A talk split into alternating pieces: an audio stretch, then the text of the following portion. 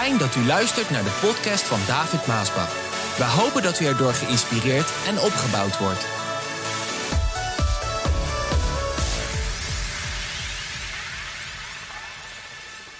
Er is een stadje Nain, niet zo ver van eh, Capernaum vandaan. Dat is de plaats waar Jezus eigenlijk woonde. Zijn hoofdkwartier had. En Jezus was op weg met zijn discipelen naar dat stadje toe. Dorpje eigenlijk. Niet eens zo groot.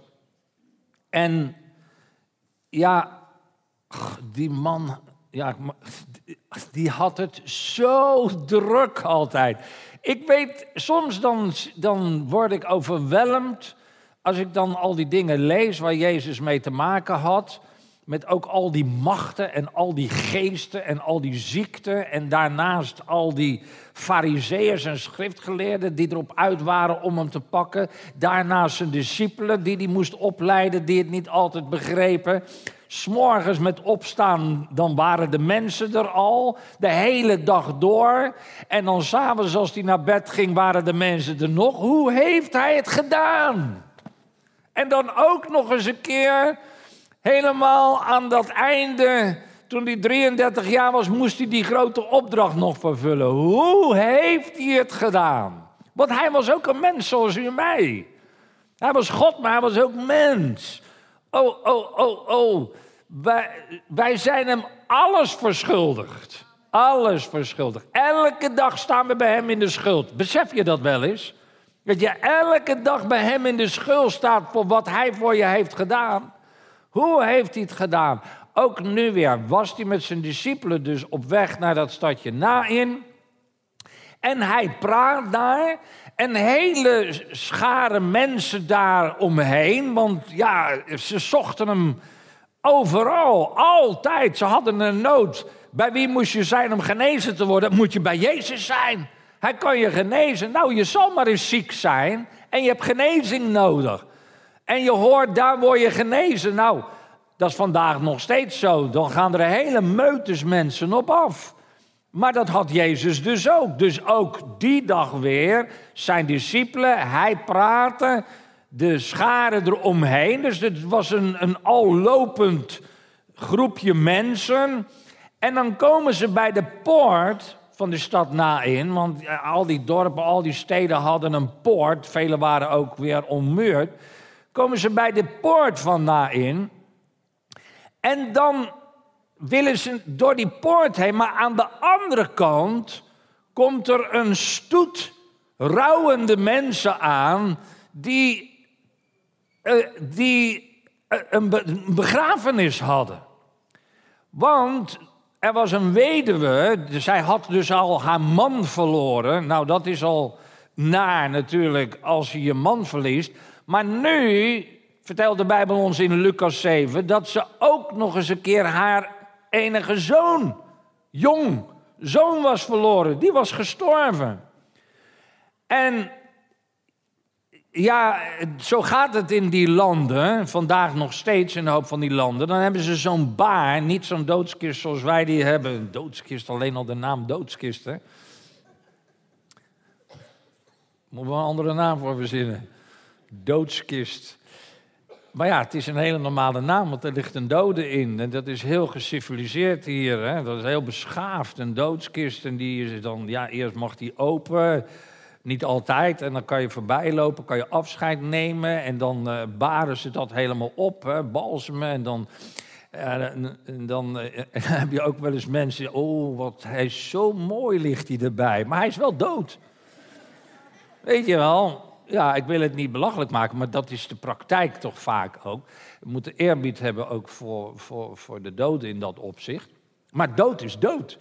En dan gaat de kist dicht en dan wordt hij begraven. En dan kijken we, dan gaat hij naar beneden. Zo gaat het hier. Maar in die landen was dat een soort baar. Die werd dan gedragen. En daarop lag dan de dode open. En uh, daar lagen dan vaak ook allerlei bloemen en zo op. En dan werd zo'n dode gedragen en dan iedereen eromheen. En dat was dan een hele treurende boel. Een, een begrafenis is, is hier ook al heel treurig. En soms, ja, ik kan het niet. Ik heb toch een andere kijk op de dood.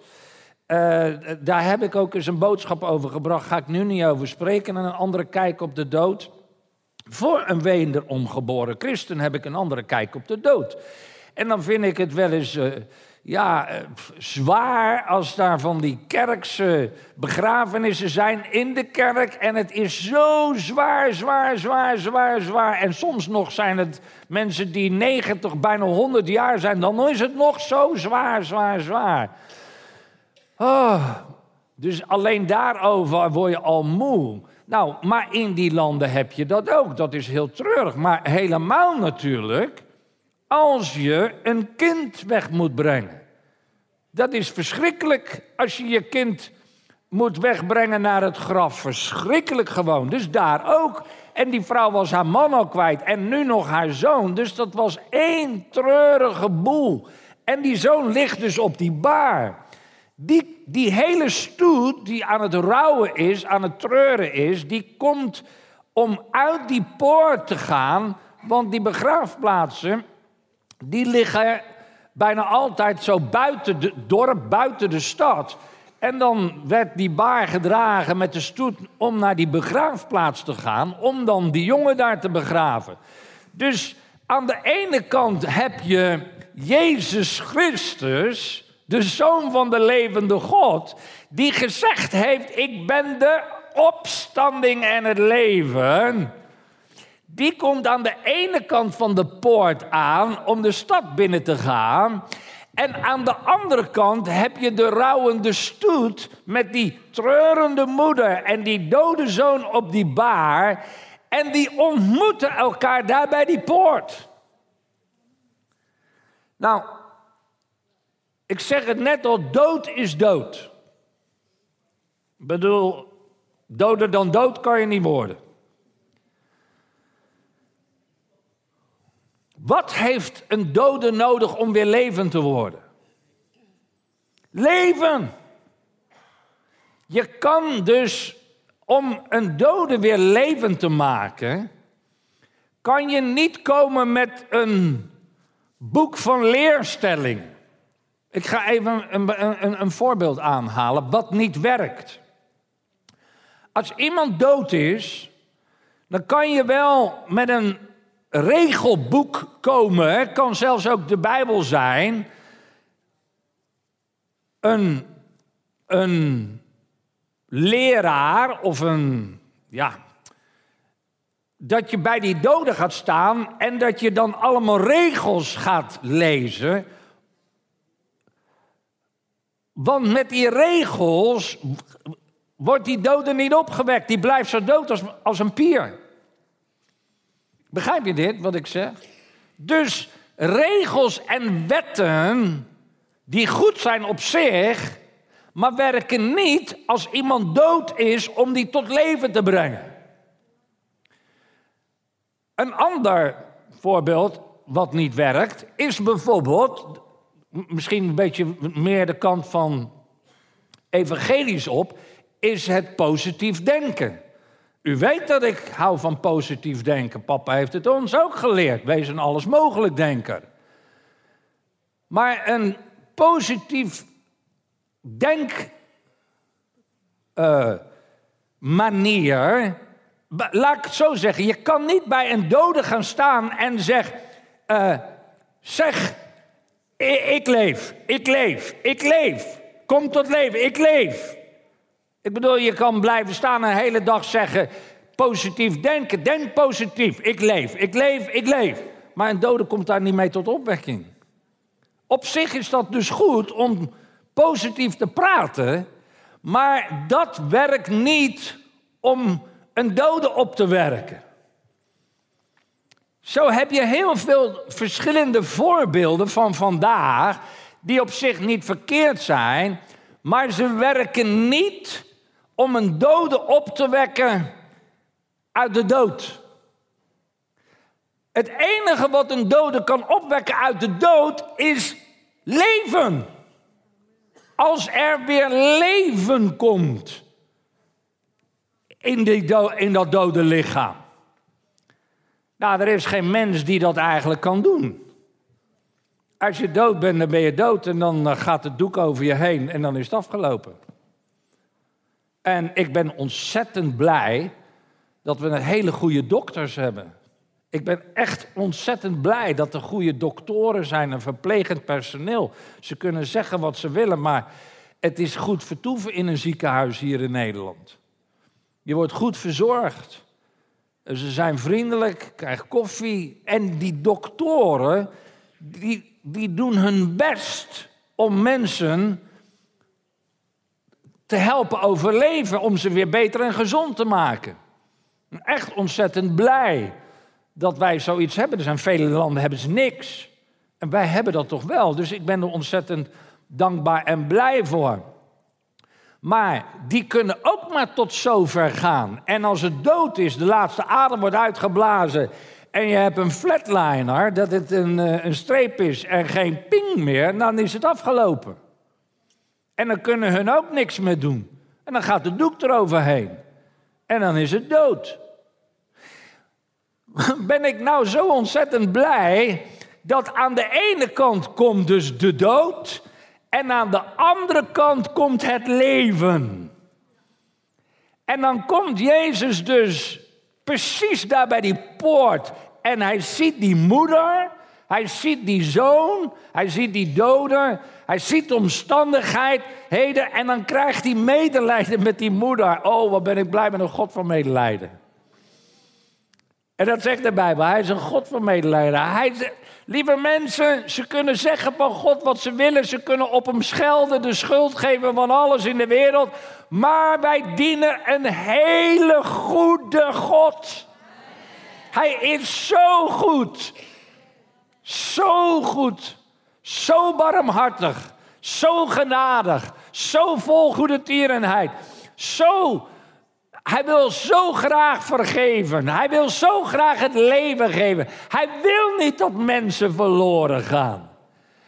Oorlog is nooit zijn, zijn wil geweest. Komt niet van hem. We hebben te maken met de vijand. We hebben te maken met een tegenstander. En zo komt hier licht en duisternis bij elkaar. Leven en dood komt bij elkaar. Jezus ziet het. Hij ziet de situatie wordt met ontferming bewogen. En dan loopt hij naar die baar die gedragen wordt. En hij legt zijn hand erop. Hij, hij bedoelt eigenlijk, stop. En als dat natuurlijk gebeurt, dus eerst, je moet die situatie even voor ogen hebben uh, nogal druk gepraat, gedoe en gepraat. En Jezus en zijn stoet. De andere kant rouwende, huilende, ook lawaai, toestanden. Jezus komt tussen beiden, stopt de baar en dan ineens wordt het doodstil. Muisstil wordt het. Want dat, wie doet dat nou?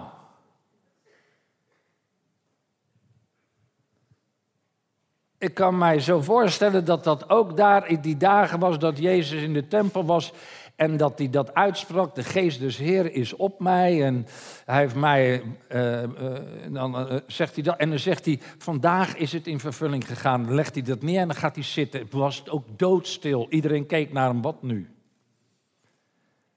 En dat was ook zo met deze baar. Hij stopt de baar die discipelen en dat hele volk met hem natuurlijk. Wat nu? Wat gaat er gebeuren? Die hele stoet van huilende, het was ook ineens stil. Het is allemaal, allemaal gericht op Jezus Christus. Eigenlijk allemaal op Jezus en de doden, want hij stond daar eigenlijk vlakbij. Hij, hij stopte baar. Dus het was allemaal geconcentreerd op leven en dood, licht en duisternis. En als hij dat dan gedaan heeft, het is muisstil, iedereen kijkt wat er gebeurt, dan zegt hij: Jongen, ik zeg je, sta op. Hoor je dat? Jongen, ik zeg je, sta op. Wie was die ik die zegt, ik zeg je? Wie was die ik?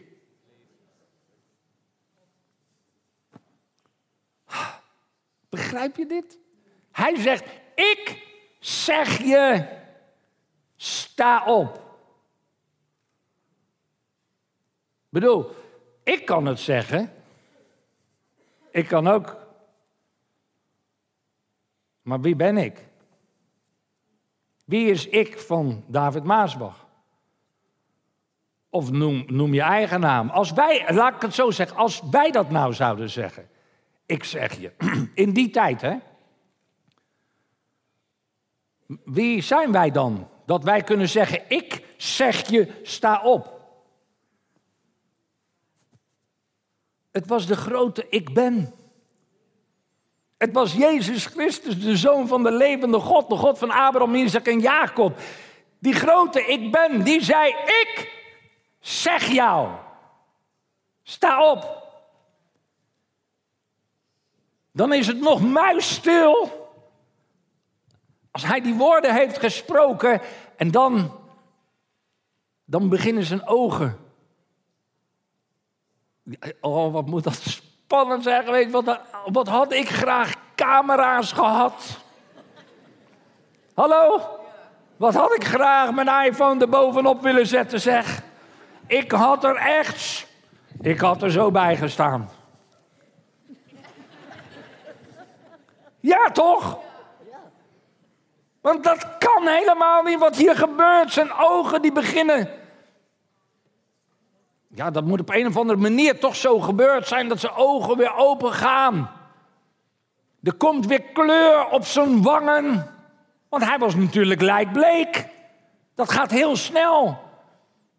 Als het hart stopt met kloppen en het bloed stroomt niet meer, dan wordt het heel snel koud en, en dan krijg je een grijze lijkbleke kleur.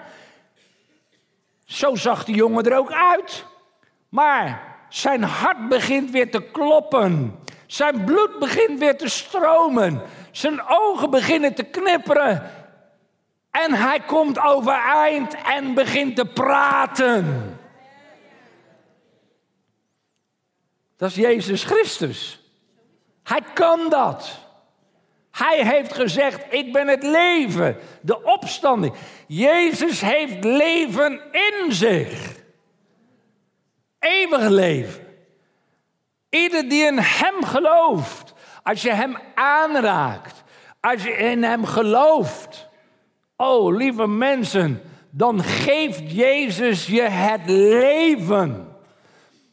Weet je wat nou zo mooi is? Dat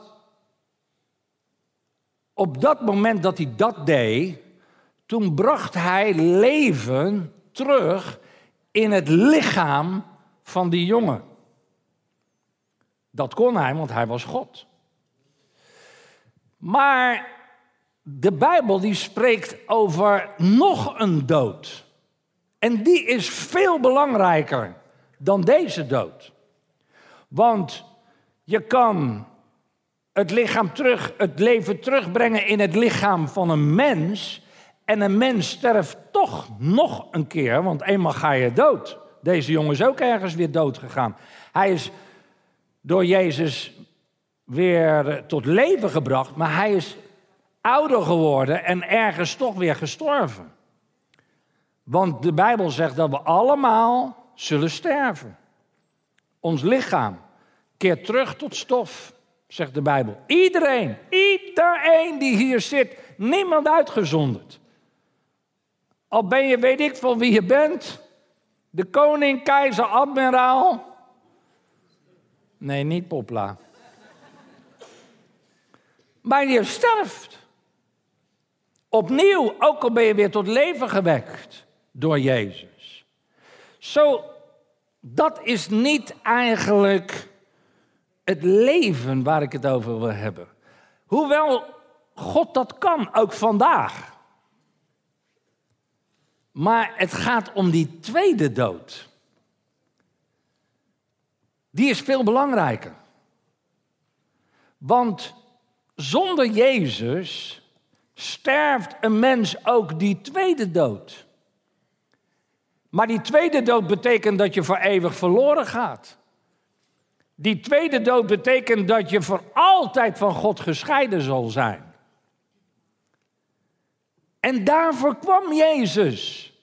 Dit gebeurde in zijn wandel op weg naar Nain.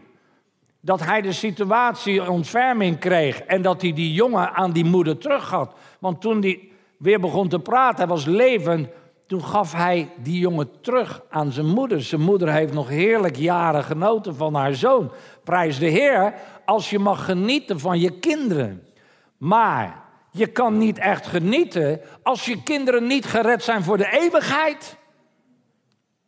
Al leven ze. Wat een, wat een droefheid zou ik op een verjaardag hebben als al mijn kinderen zouden komen en ik zou weten ze zijn niet gered en ze gaan voor eeuwig verloren. Ik kan jaren op een verjaardag samen zijn en blij zijn, leuk dat we elkaar zien. Ik heb mijn kinderen, ze zijn in huis, ik geef ze te eten, maar ze gaan voor eeuwig verloren.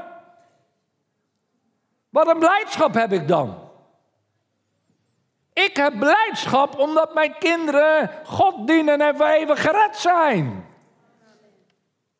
Dus een verjaardag bij iemand die gered is, is dubbel feest. Het gaat om die tweede dood. Dit is wat 1 Johannes zegt.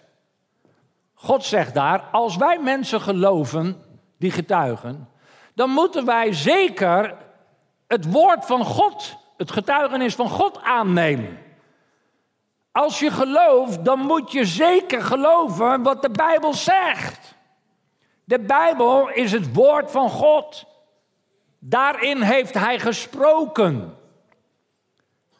Hij zegt, God, de Vader, de Schepper, zegt in zijn woord dat Jezus Christus zijn zoon is. Kijk, hier gaat het mank bij de secten. Er zijn vele kerken en secten die niet geloven dat Jezus de zoon van God is. Als dat zo is, heb je te maken met een secte. Waar ze geloven dat Jezus een profeet was. Nou ja, hij was alles, maar hij was niet de zoon van God. God zegt in zijn woord dat Jezus Christus zijn zoon is. Iedereen die dit gelooft, heeft dat woord van God aanvaard. Als jij gelooft wat God zegt in zijn woord, dan aanvaard jij dat woord als de waarheid, dan neem je dat aan. Als iemand dit niet gelooft, en er zijn er velen die dit. Er zijn zelfs predikanten die dit niet geloven. Vandaag. Velen die het niet geloven. Als iemand dit dus niet gelooft, dat Jezus de Zoon van God is, dan zeg je daarmee dat God een leugenaar is. Omdat je niet gelooft wat God over zijn Zoon heeft gezegd. Als God dus zegt, in zijn woord: Jezus is mijn zoon, en jij gelooft dat niet, dan klinkt het aardig om te zeggen: Ik geloof je niet, maar het klinkt onaardig, maar dat is wat je ook zegt: je liegt.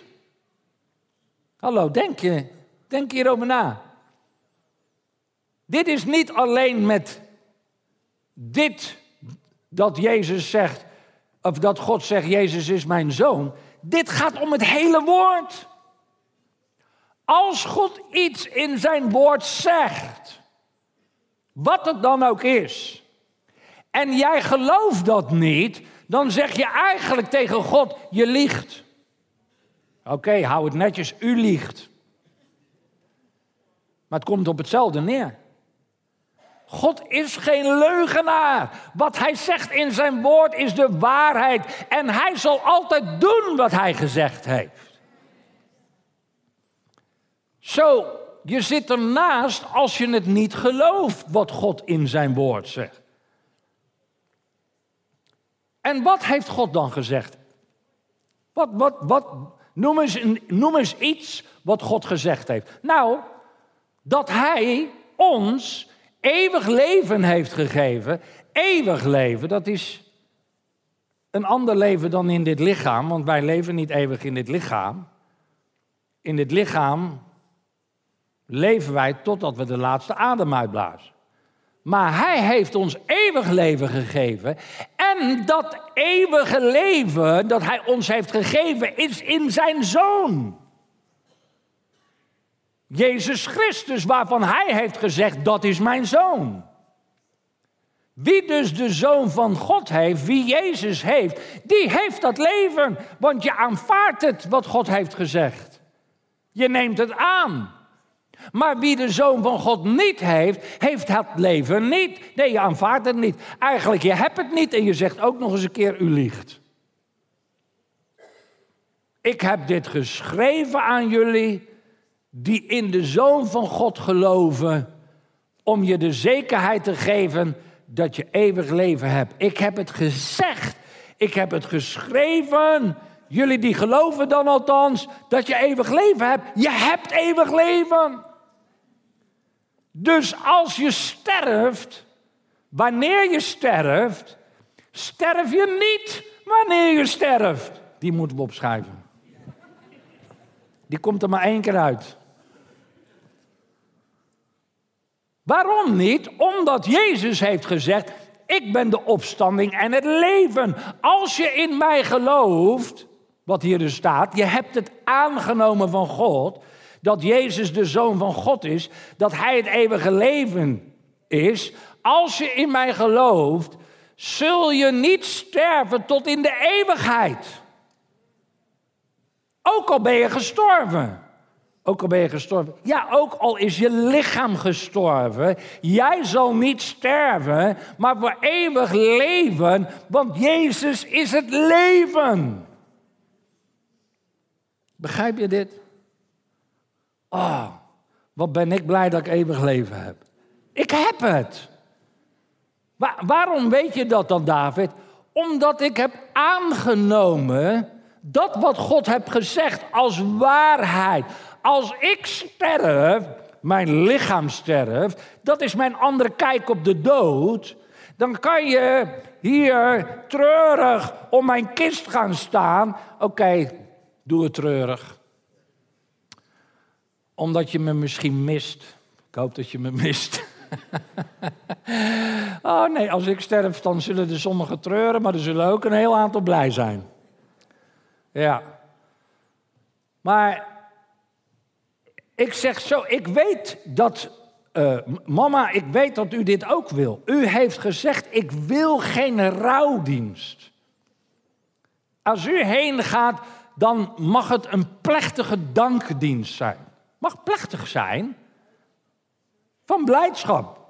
Ja, ze zegt blijdschap. Ja. Waarom blijdschap? Omdat zij is overgegaan van dit aardse leven naar het eeuwige hemelse leven met Jezus Christus. Want dat eeuwige leven, dat heb je nu al, niet straks. Je hebt het nu al binnenin je. Omdat je de tweede dood niet zal smaken. Er is geen veroordeling voor hen die in Jezus Christus zijn.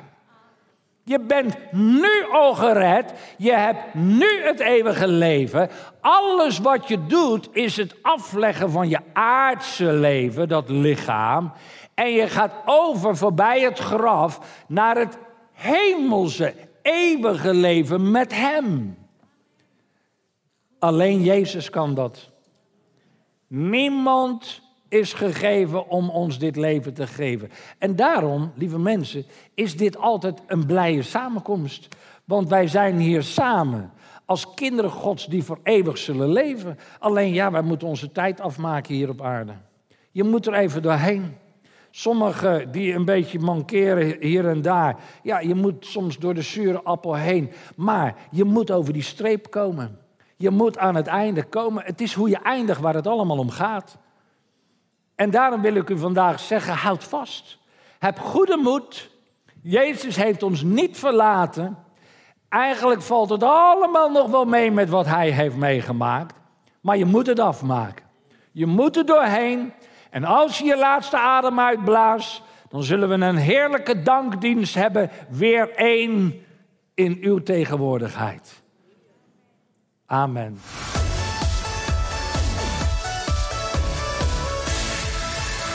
Bedankt voor het luisteren naar deze podcast. Wilt u meer preken beluisteren? Ga dan naar message.maasbachradio.com. Bezoek ook eens onze website www.maasbach.nl.